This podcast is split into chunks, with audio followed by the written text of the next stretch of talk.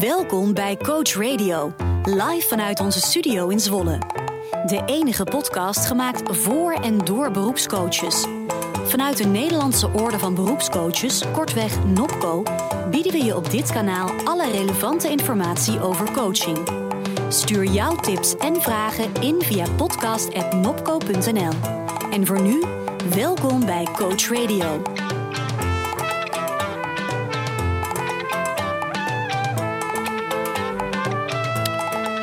Ja, welkom terug allemaal bij aflevering 25 van de Coach Radio Podcast. Vandaag staat ons gesprek in het teken van autisme. We spreken met experts en een ervaringsdeskundige om een beter beeld te krijgen van relevantie in coachtrajecten. Namens het bestuur is vandaag aangeschoven Geeske te Gussinklo en met haar nemen we allereerst de actuele zaken door die spelen binnen Nopco. Welkom Geeske. Dankjewel. Fijn dat je er bent. Ja, Eh, lang niet gezien. Veel te lang geleden. Ja, veel te lang geleden, ja. hey, maar jij hebt een paar updates. Waaronder het jaarthema van Nopco verblijdt ons. Ja, het jaarthema is coaching werkt. Nou, wij weten dat als coaches natuurlijk dat het werkt. Maar de onderbouwing en naar buiten toe treden daarmee... dat is in ieder geval waar we dit jaar eh, druk mee zullen zijn. Dus Ja. Hoe doe je dat? Nou, Aantonen dat het werkt. Wetenschappelijk onderzoek, Juist. Ja. En, en hoe doen we dat? Onder andere met Coachmonitor. dat absoluut. En eh, met eh, samenwerking met universiteiten en, en onderzoekers. Want we hebben een leerstoel ook, hè? Dat, die hebben we ook. Met En- een dame die dat fulltime... Nou, fulltime, ja. Ze is daar vol mee bezig. Ja, Marjolein Stevens. Ja. ja en ehm, wat heel leuk is in dit kader is de Nopco Quality Award. Die is afgelopen januari uitgereikt aan Lara Solms. Zij is gepromoveerd op, Ja. eh, op het thema. Zij heeft onderzoek gedaan met medici en aangetoond dat coaching werkt, preventief en curatief. En, eh, nou, Het was heel leuk, want ze was op de wetenschappelijke dag in Utrecht. En ik heb daar haar mogen interviewen. Dus als je deze podcast luistert, kun je op datzelfde kanaal de interviews van alle sprekers, eh, waaronder Lara soms, eh, lezen. En gefeliciteerd vanaf deze plek, Lara. Hey, ehm, nou. Had je ook nog iets, eh, certificering? Daar, was ook weer nadruk voor. Jelle die zat hier ook alweer te, te, schuimen over dat, dat hele L&D. Eh, Verblijdt ons even op dit vlak. Ja, nou, heel veel coaches zijn bezig met hun certificering. Als ik ergens kom, krijgen daar veel vragen over. En het mooie is dat ook in de buitenwereld daar steeds meer om gevraagd wordt. Coach intermediairs willen graag gecertificeerde coaches. En opdrachtgevers vragen daarnaar. En eh, wat heel eh, leuk is van de commissie L&D, Learning and Development... die zijn op al onze events aanwezig met een stand... om vragen daarover te beantwoorden. Dus eh, grijp je kans. En als je nog nooit hebt gehoord van certificeren... want er luisteren ook niet NOPCO-coaches... Ja. kijk op de website en eh, kijk bij het internationale Het is keurmerk. echt belangrijk en het is ook best heel leuk om er doorheen te gaan. Ja. Dus eh, dat is helemaal goed. Hey, eh, eh, je had ook nog, je was bezig met iets wat we volgende week toegemaild krijgen rondom AI. Nou is dat een thema waar iedereen het over heeft, maar jij het is praktisch, toch? Ja, we hebben tien tips gemaakt. Samen met een zorgethicus en andere experts hebben we ons verdiept in hoe je als coach eigenlijk om zou moeten gaan met AI. Want dat, dat is gewoon iets wat er aankomt en we willen de voordelen vergroten, de nadelen daarvan verkleinen. Ehm, en eigenlijk is er best heel veel eh, waar je op zou moeten letten als je, er, als je je coachie daarnaar doorverwijst. Eh, het gaat ook over profilering. Hè. Als je mensen zegt van nou ga daar eens mee aan de slag, dan kan een profiel van je opgemaakt worden. Dat is goed Ja. om te weten. En eh, wij zien bijvoorbeeld de AI-coach een beetje als de trainee die onder jouw verantwoordelijkheid aan het werk is. Ja. En besef je dat als coach?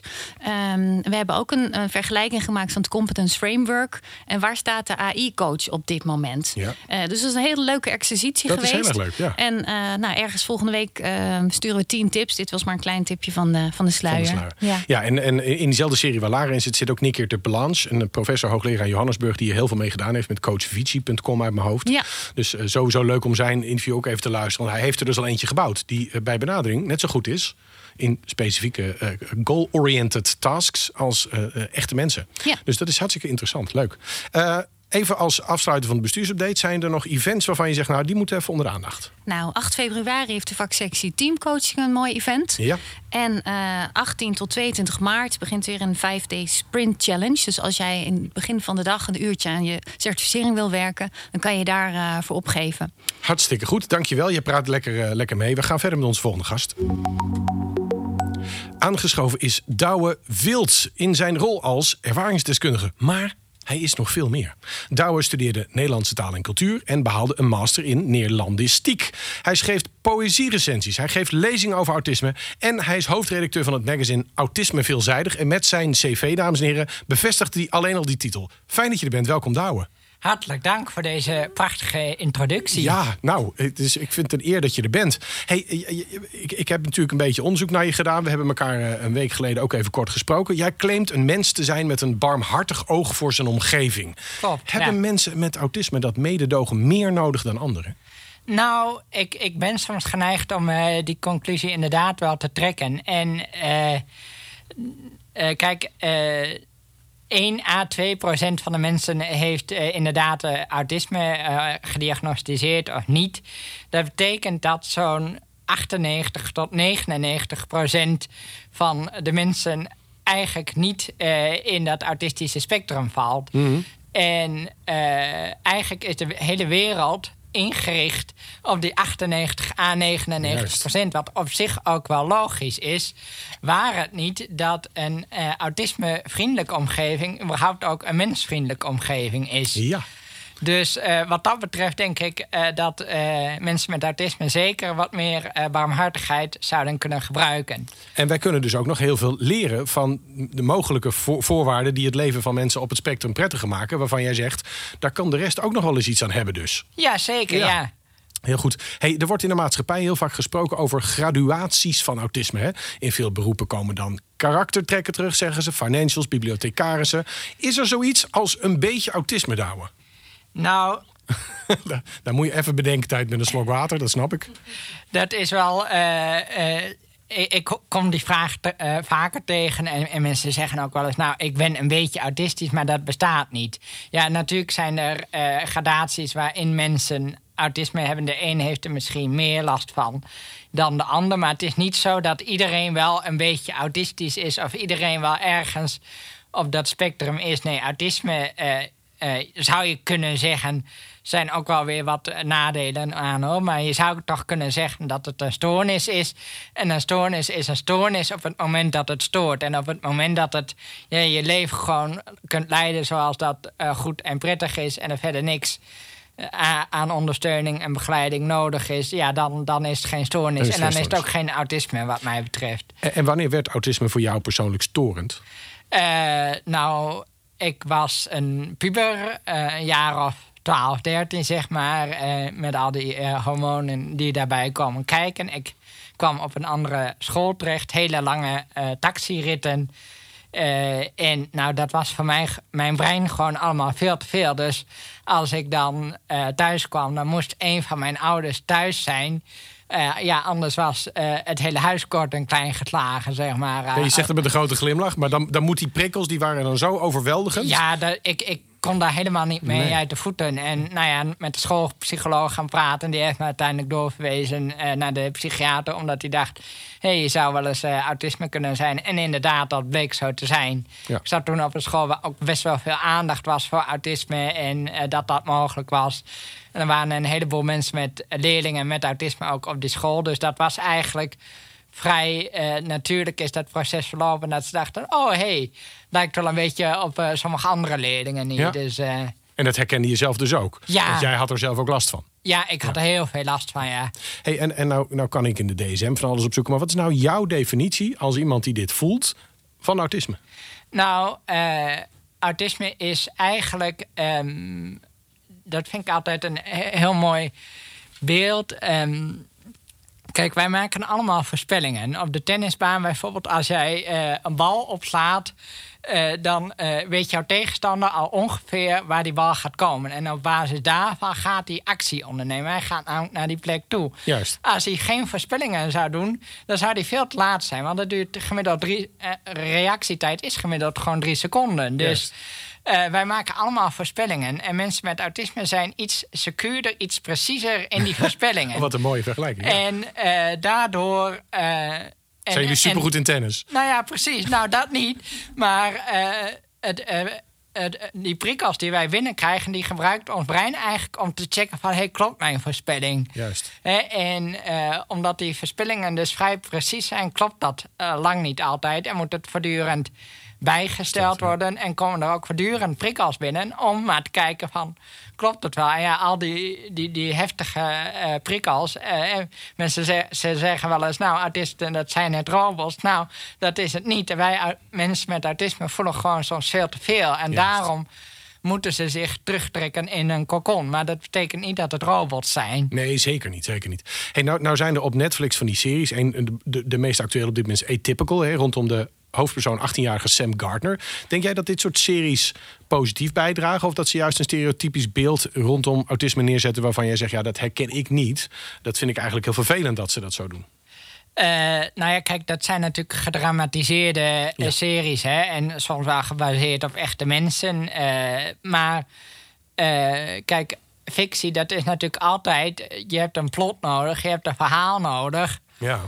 Dus er zijn kenmerken die daarin uitvergroot worden uh, om uh, een dramatische situatie neer te kunnen zetten. En dat is natuurlijk, uh, wat da dat, dat is in het echte leven lang niet altijd zo. En ja, ik zeg ook wel eens: heb je een autist ontmoet, dan heb je een autist ontmoet. Dus die autist die in atypical zit, ik ben een heel ander soort mens met autisme. Juist. Jij zegt eigenlijk beoordeel iedereen echt als uniek mens. En denk niet, uh, we scheren iedereen over één kam, want ze vallen in hetzelfde spectrum. Ja, nee, precies. Het, het, is ook niet voor niets een spectrum, hè? Nee, ja, helder. Daar gaan we zeker nog op induiken met eh, de andere gasten. Hey, even een afsluitende vraag. Wat is nou belangrijk voor professionals om te begrijpen als ze werken met mensen die autistisch zijn? Nou, één ding denk ik, hè, wat ik net ook al zei: iedereen met autisme is anders. Hè? Als je 100 mensen met autisme hebt gecoacht en je komt bij de 101ste uit, dan weet je eigenlijk nog niets over het autisme bij die persoon en hoe je dat moet coachen. Twee, eh, men zegt wel eens autisme dat is een gedragsstoornis. Daar ben ik het niet helemaal mee eens. Eigenlijk is het een stoornis eh, die vooraf, uh, die, die plaatsvindt in het traject voorafgaand aan het gedrag. Dus van het binnenkomen van informatie, het doen van die voorspelling, het binnenkomen van informatie, dat wel of niet kunnen verwerken. En aan de hand daarvan komt er dan gedrag. En coaching zou zich eigenlijk moeten richten op dat wat achter het gedrag zit, of dat wat voor het gedrag zit. En uh, als je alleen maar gedrag gaat uh, aanpassen, dan ja, wordt het een soort trucje en hou je die, die bron van onrust, die hou je heel sterk. Ja. En dat is uh, uiteindelijk niet vol te houden. En ik denk dat dat ook wel een van de redenen is dat mensen met autisme een iets hoger risico hebben, bijvoorbeeld op het ontwikkelen van burn-outs, omdat ze soms zo bezig zijn met die trucjes uh, maar toe te passen om te overleven. En dat het, uh, ja, Dodelijk vermoeiend is. Ja, precies. Ja, dat snap ik heel goed. Hey, nou hadden wij het ook over wat het gevoel nou is. En, en jij bent ook nog poëzie-recensent en deskundige. En toen zei je, ik heb een heel mooi uh, gedicht van Hans uh, Favary moet ik zeggen. Hè? Zeg ik het nu goed? Favri. Favri, zeg jij. Oké, Hans Favri. Um, en, en ja, ik zei, wil je het meenemen, wil je het voorlezen? Dus dat gaan we even doen, denk ik. Heb je het papier bij de hand? Ja hoor. Ik, hebt, uh, we laten het boek even zien. Ja, dit is echt een prachtige bundel. Ik zou ja. zeggen, nadat u de podcast beluisterd heeft... Ja. ga absoluut deze bundel lezen. Grisanten, roeiers. Van Hans Favri. En ik lees het openingsgedicht voor. Heel goed.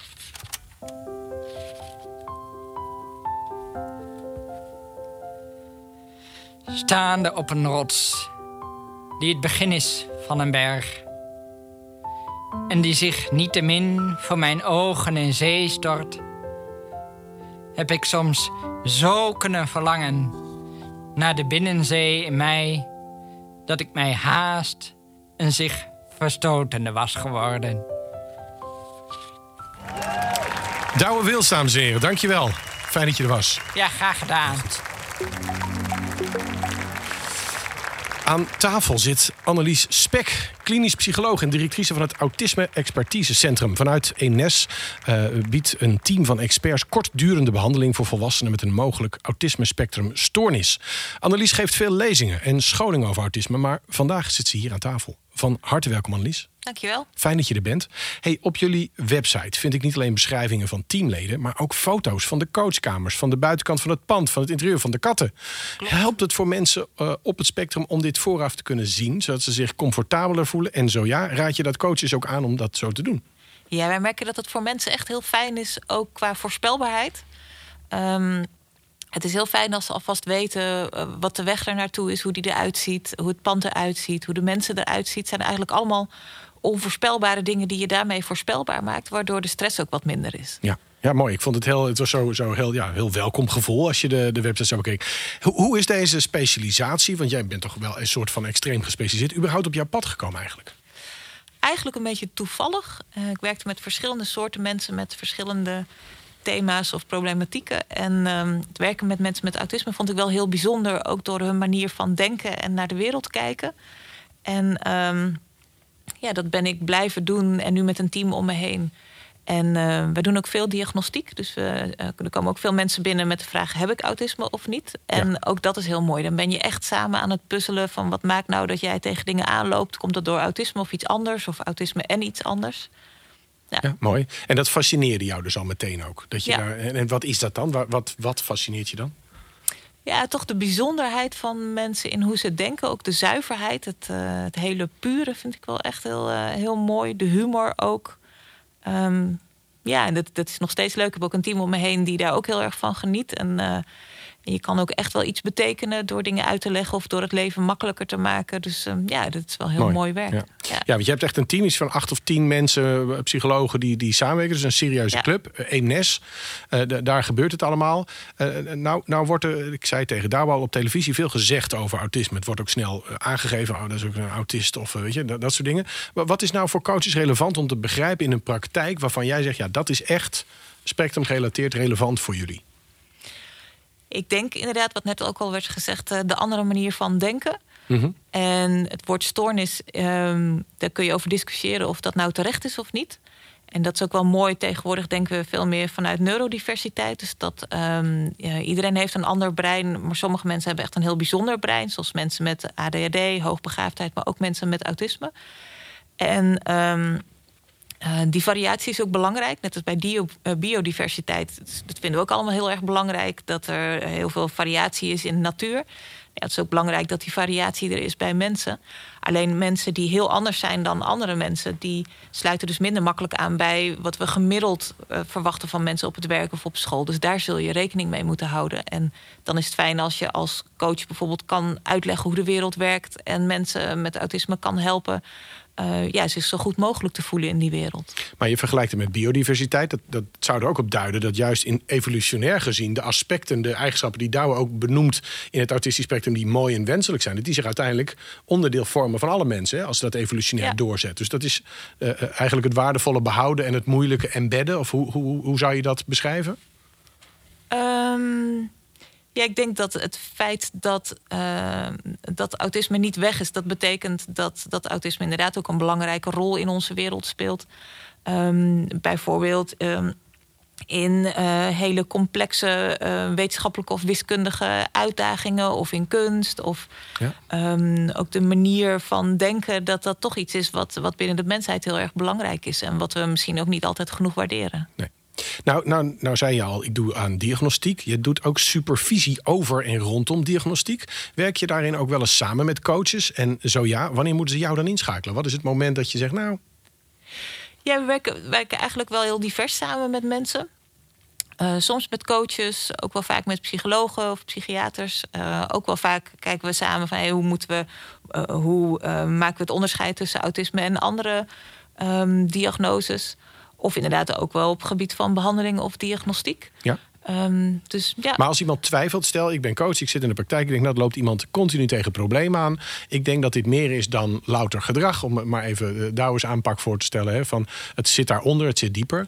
Uh, is het dan slim om jou eens te bellen en zeggen laten we samen met deze persoon eens in gesprek gaan? Of, of zal ik hem doorverwijzen? Hoe werkt dat dan? Wat is wijs? Ja, dat kan. Dus we krijgen wel eens telefoontjes van... Uh, goh, is het nou handig om deze persoon door te verwijzen? En dan bespreken we ook samen van... Goh, wat speelt er? Wat zie je? Is het zinvol om, om verder te kijken of niet? Is iemand voldoende belastbaar op dit moment? Oh ja, dat is natuurlijk ook relevant. Ja. ja. Nou, uh, op jouw website, en die ga ik even heel specifiek noemen... omdat er iets op staat wat mensen daar misschien wel van af willen halen... Uh, of wel van willen lezen. Op www.anneliespec.nl slash whitepapers. Dat is op zijn Engels, W-H-I-T-E papers. Er zijn allerlei whitepapers te vinden. Gratis, dames en heren. Hè?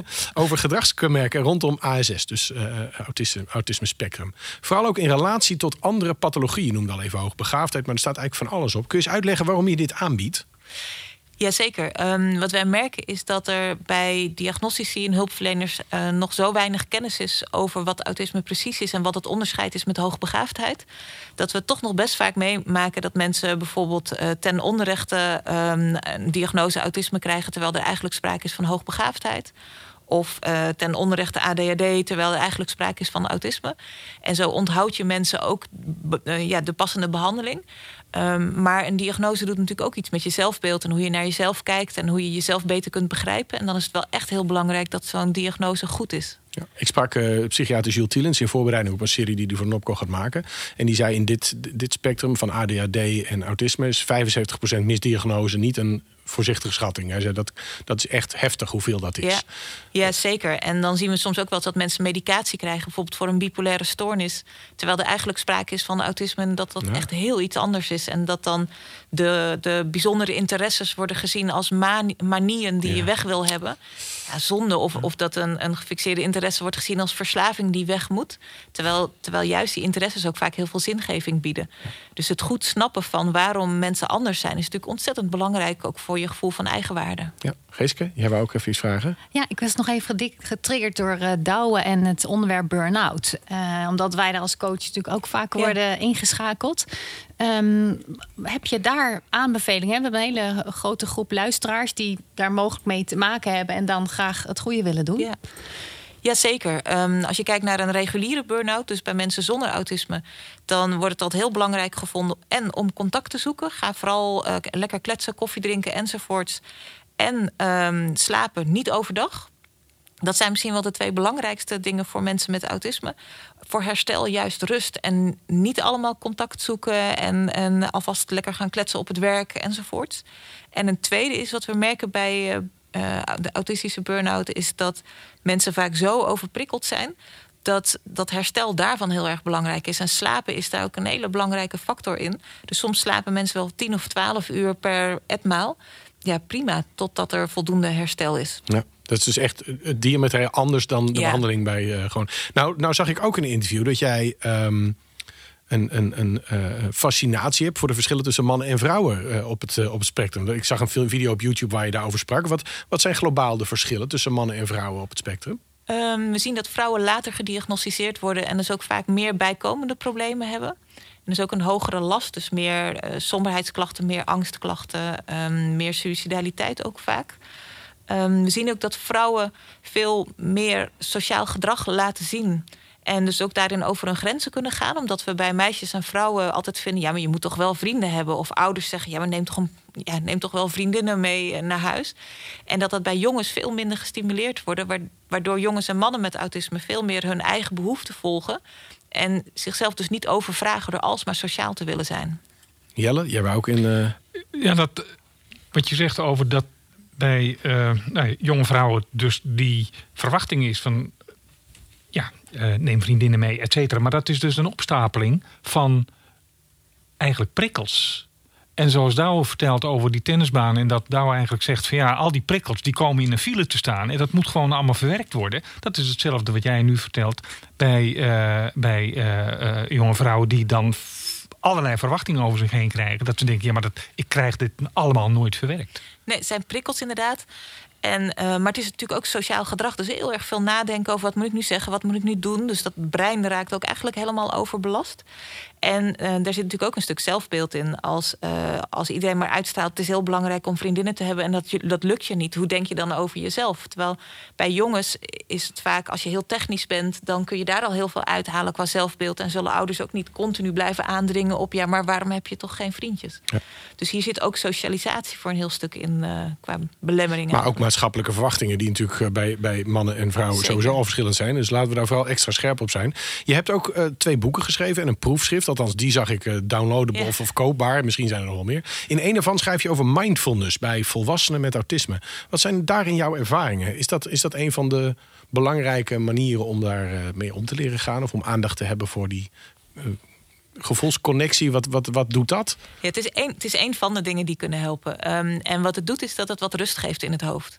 Uh, mits je het aanpast aan mensen met autisme. Want uh, rondom mindfulness zit natuurlijk heel veel spiritualiteit, en toen wij ermee begonnen, toen zei ik ook wel eens van... goh, volg de adem uh, naar beneden, naar je, naar je tenen. En dat een van de mensen met autisme zei... ja, maar dat kan helemaal niet, nee. want mijn longen houden hier op. Ja, heel goed. Ja. Dat denk ik ook als ik dit hoor ja. trouwens. Ja. Nee, ik ben het helemaal met ook wel heel logisch. Ja. dus wij hebben een hele nuchtere mindfulness gemaakt. Oh, wat leuk. Ja. En um, wat ook voor heel veel andere mensen heel fijn is trouwens. En wat we... Wat wij vooral merken is bij mensen met autisme dat ze zeggen: Oh, het is fijn om even mijn hoofd leeg te maken. Even niet bezig met al die gedachten, maar gewoon even rust in mijn hoofd. En eh, dat kan heel fijn zijn om te voorkomen dat je overbelast raakt, bijvoorbeeld. Ja, mooi.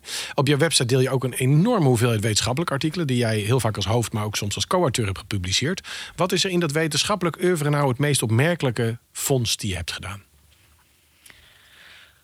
Poeh, dat vind ik een lastige vraag. Het is ook heel veel, hè? Ja. je, bent, je hebt niet stilgezeten. Nee. Nee, wat ik wel heel mooi vond om, te, om naar te kijken is ook eh, zingeving bij mensen met autisme. Ja? Omdat uiteindelijk eh, je kan heel veel problemen hebben, je kan eh, heel veel lichamelijke problemen hebben, maar als je wel gelukkig bent en zingeving ervaart, ja, dan kun je heel veel overwinnen. Dus ik vind dat altijd als kern van het leven heel belangrijk. En ehm, wat ik daar wel bijzonder vond, was dat zingeving bij mensen zonder autisme zit vaak in eh, eh, sociale dingen. Voor je familie, je gezin, je kinderen, je ouders, misschien je werk.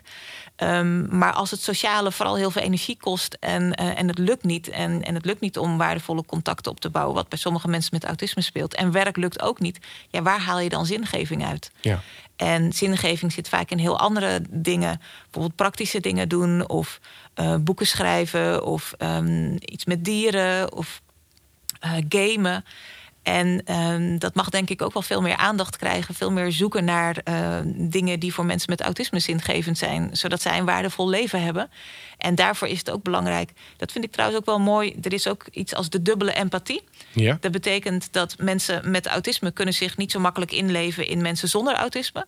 Maar dat gaat de andere kant op ook Ja. op. Ja. Dus mensen zonder autisme kunnen zich ook niet zo goed inleven in mensen met autisme. En dat is denk ik als coach ook wel een hele belangrijke. Als je zelf geen autisme hebt, besef dan dat jij je ook niet goed kunt inleven in die persoon met autisme. Waardoor je dus heel veel vragen zal moeten stellen. En bijvoorbeeld ook ervan uitgaan dat als het gaat om zingeving, dat iemand met autisme misschien wel heel andere dingen heeft qua zingeving dan jij zelf. Dus heel erg een open mind en echt heel zuiver zoeken naar wat voor die andere zingevend is, wat voor die ander belangrijk is op sociaal gebied, enzovoorts, enzovoorts. Dus een hele onderzoekende houding is daar wel echt heel erg belangrijk. En als je die dubbele empathie pakt, hebben dan mensen met autisme ook meer begrip en, en kennis voor ook mensen met autisme? Zouden een autistisch spectrum coach dus ook beter werken met deze doelgroep? Ja, dat is wel wat we vaak merken. Dat, dat, dat sommige dingen juist als coach met autisme veel makkelijker gaan. En ook dat je ook veel beter kan, eh, kan inleven daarin. En voor coach zonder autisme moet je dus een extra stap zetten. ehm, om, om echt te snappen waar iemand met autisme eh, ja, moeite mee heeft of tegenaan loopt. Fascinerend. En eh, voor de mensen die dus eh, dit interessant vinden, ga vooral even naar anneliespec.nl slash whitepapers. Sowieso op de website is heel veel informatie te vinden. Dankjewel dat je er vandaag bent, Annelies Spek. Graag gedaan. Ook de gast vandaag is Dominique van Dijkhuizen. Stu- ze studeerde Engelse taal en letterkunde. Deed een master in art and literature. Maar verruilde haar commerciële carrière twee jaar geleden voor die van coach. Ze is inmiddels gecertificeerd coach en ook hoofd platformontwikkeling. Eh, in die hoedanigheid, maar ook in haar persoonlijk leven... kwam het autistisch spectrum op haar pad. Wat haar ervaringen zijn als coach bespreek ik met haar aan tafel. Van harte welkom, Dominique. Dankjewel. Arvid. Ontzettend leuk dat je er bent. Zeker. Hoe deed ASS haar intrede in jouw leven? Bam. Met Bam. de deur in ja, huis. maar ja, dan, dan hebben we een beeld. Want ja, jij hebt hier, eh, jij hebt hier eh, vakinhoudelijke kennis van. Maar dan ben ik wel even benieuwd hoe dan precies. Hoe komt dat dan? Ja. Nou, ik ontmoette ja, bijna vijf jaar geleden via een dating-app. Jawel, dames en heren. Op mijn eerste date, mijn vriend, die Ja. inmiddels nog steeds mijn vriend is. En die had destijds een de diagnose ADD, maar nog geen ASS. En, maar we kwamen er al vrij snel achter. Even het verschil voor iedereen die Oh, dat niet weet. Ja, nee, je zegt Ja, het heel ja, mooi. en ik, ik denk dat ik een idee heb. Maar niet iedereen die luistert. Dus ADD, ASS. Ja, nou ja, officieel bestaat ADD niet meer in het DSM. Dus het is nu ADHD. En, nou ja, dat- maar goed, vroeger kon dat nog. En dat betekent eigenlijk, nou ja, ik heb ADHD, mijn vriend ADD nog. Oude diagnose. Ja. En eh, bij mij zit er dus eh, hyperactiviteit in en bij hem eh, niet. Nou, dat is. Dat scheelt thuis. Ja. interessante thuissituatie. Ja. Ehm, dus dat is het even platgeslagen dan. Het verschil, want hier geldt ook. Het is voor, bij iedereen anders. Dus Ja. het is ook eigenlijk een spectrum. En de overkoepelende tak, die, dat noemde Annelies ook al even. Dus die neurodiversiteit. Of. Geeske zei het, ik weet het niet meer. Dus, dus, dus jij zegt, ik heb eigenlijk met de liefde eh, eh, eh, geleerd hoe, hoe dat zijn intrede deed in dat, in dat gezin. of in jullie relatie in ieder geval. Maar inmiddels begeleid je professioneel mensen in Sport 2 trajecten. Kun je allereerst even voor de mensen die zeggen... ja, Sport 2 is een machinist, wat doet die vrouw?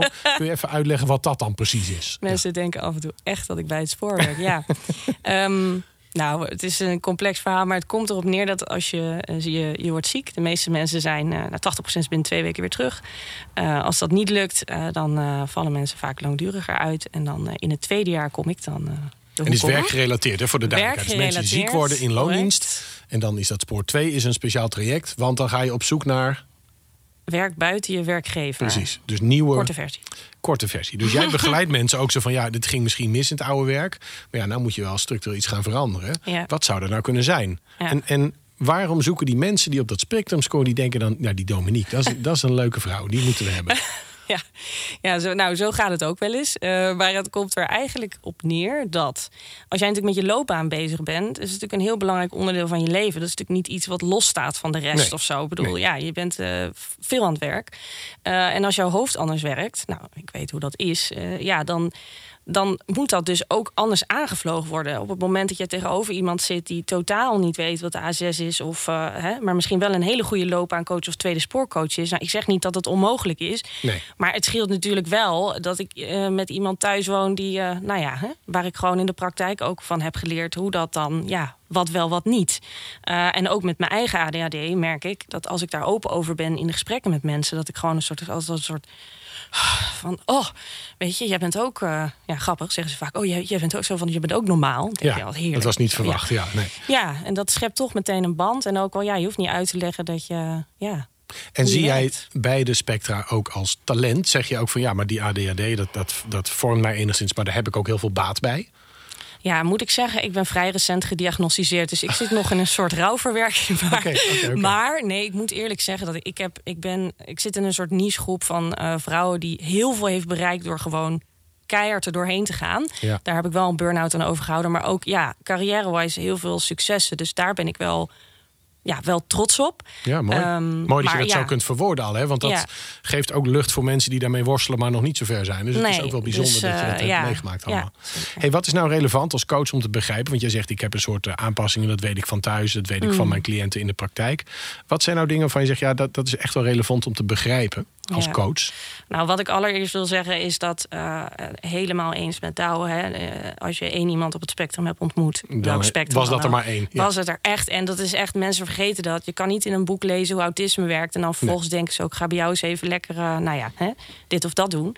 Maar wat wel denk ik heel belangrijk is, is dat je het in ieder geval rekening mee houdt van tevoren en heel goed bij iemand ook uitvraagt van wat heb jij nodig als ze dat al weten. Sommige mensen weten dat al. Ja. Dus die weten al van die gesprekken moeten voor mij niet te lang duren. Of ik moet juist op een locatie of niet.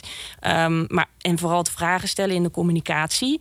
Ehm houd er rekening mee dat iemand eh, dingen laat zien die voor jou misschien niet, nou ja, die jij anders kan interpreteren als jij zelf niet op het spectrum zit. En, eh, Dus eerst vragen, dan pas eh, vaststellen. en dan nog een keer vragen Ja, en nog een keer vragen. Want dat er niks in dat gezicht gebeurt, bijvoorbeeld even wil echt niks zeggen. Ja, en dat kan soms heel lastig zijn als jij gewend bent heel erg op mimiek. Exclusief, ja. Ja.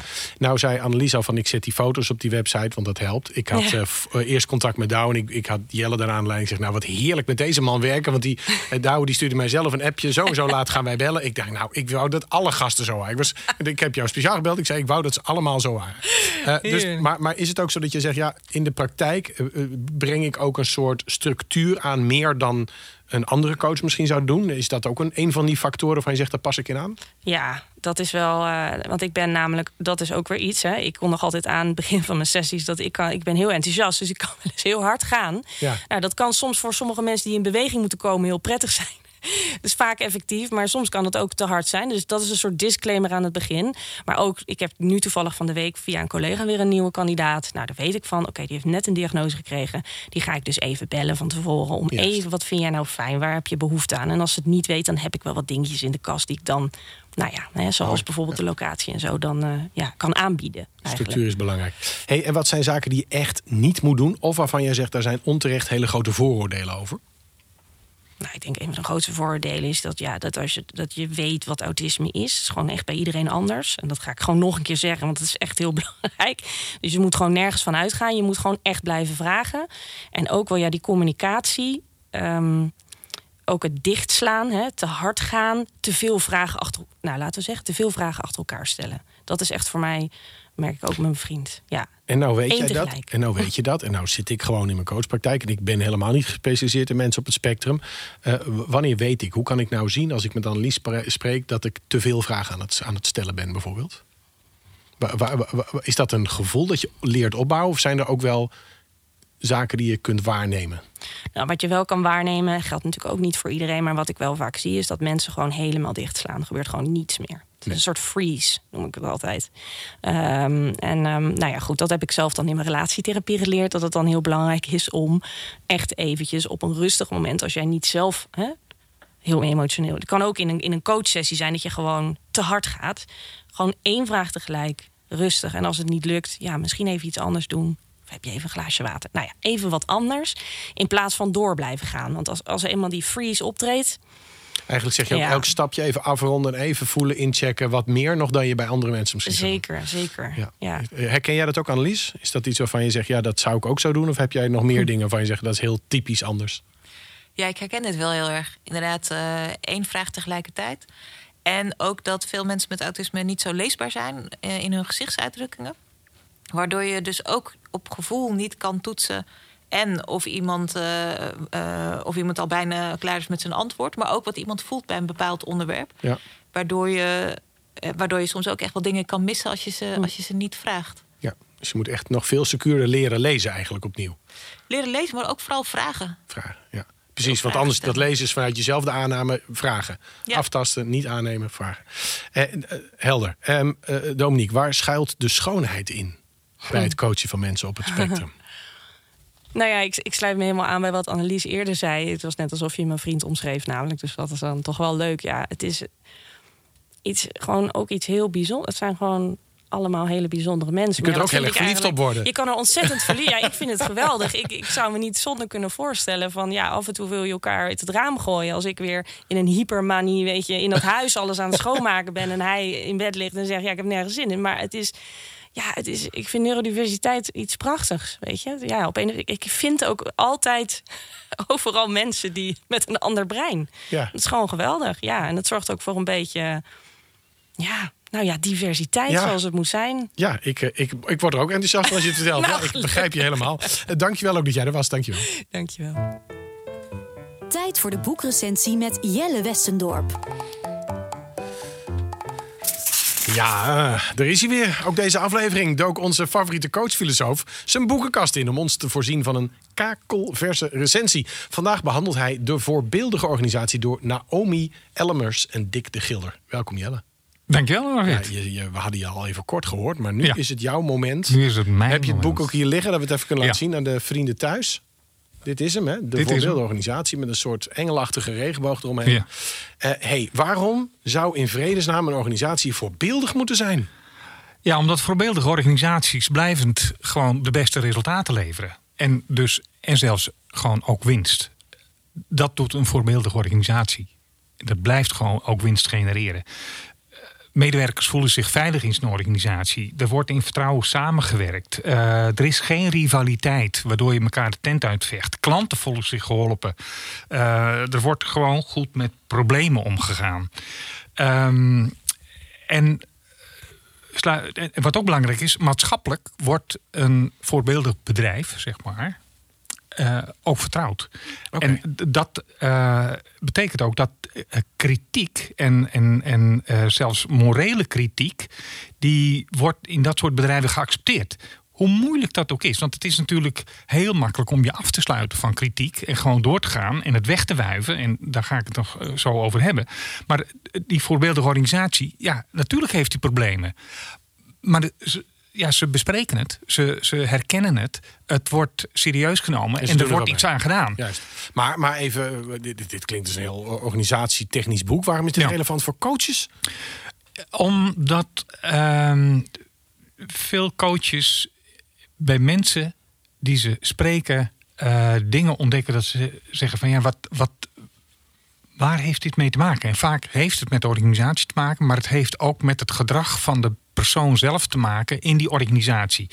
En de voor context coaches- van de organisatie. ja, de context van de organisatie, waardoor gedrag van mensen ontstaat. En eh, twee hele belangrijke aspecten in dit boek, eh, die eh, Naomi Elmers goed uitlegt. En nadat ze het heeft uitgelegd, komt dat in het boek doorlopend weer terug in verschillende voorbeelden. Dat zijn twee begrippen. En die wil ik wel even goed Ja, ik benoemen. zit klaar met de pen. Ik ga Je- meeschrijven. Ja, Ja, ga meeschrijven. Dat is als eerste de integriteitsparadox. Oh god. De integriteitsparadox, dat gaat erover dat ehm, hoe belangrijker mensen het vinden om iets goed te doen, hoe pijnlijker dat het is wanneer iets fout gaat. Ja. En het grappige is dat belangrijke mensen vinden dat dus nog veel erger. Dus als je belangrijke mensen hebt en er gaat iets fout, vinden ze het nog lastiger om toe te geven dat er iets fout is gegaan. En dat, daar zit een paradox in. Dat betekent dat wanneer er iets fout is gegaan, terwijl ze het goede hadden bedoeld, dat ze wat fout is gegaan ook nog eh, gaan wegpraten. En dat wegpraten heeft ermee te maken dat de mens een groepsdier is. En dat groepsdier dat wil erbij blijven horen. Ja. Ehm, eh, het, het, het, eh, niet, niet, dat ze het fout doen is niet omdat dat hun karakter is, maar omdat ze als mens zich aanpassen aan de groep waar ze bij horen.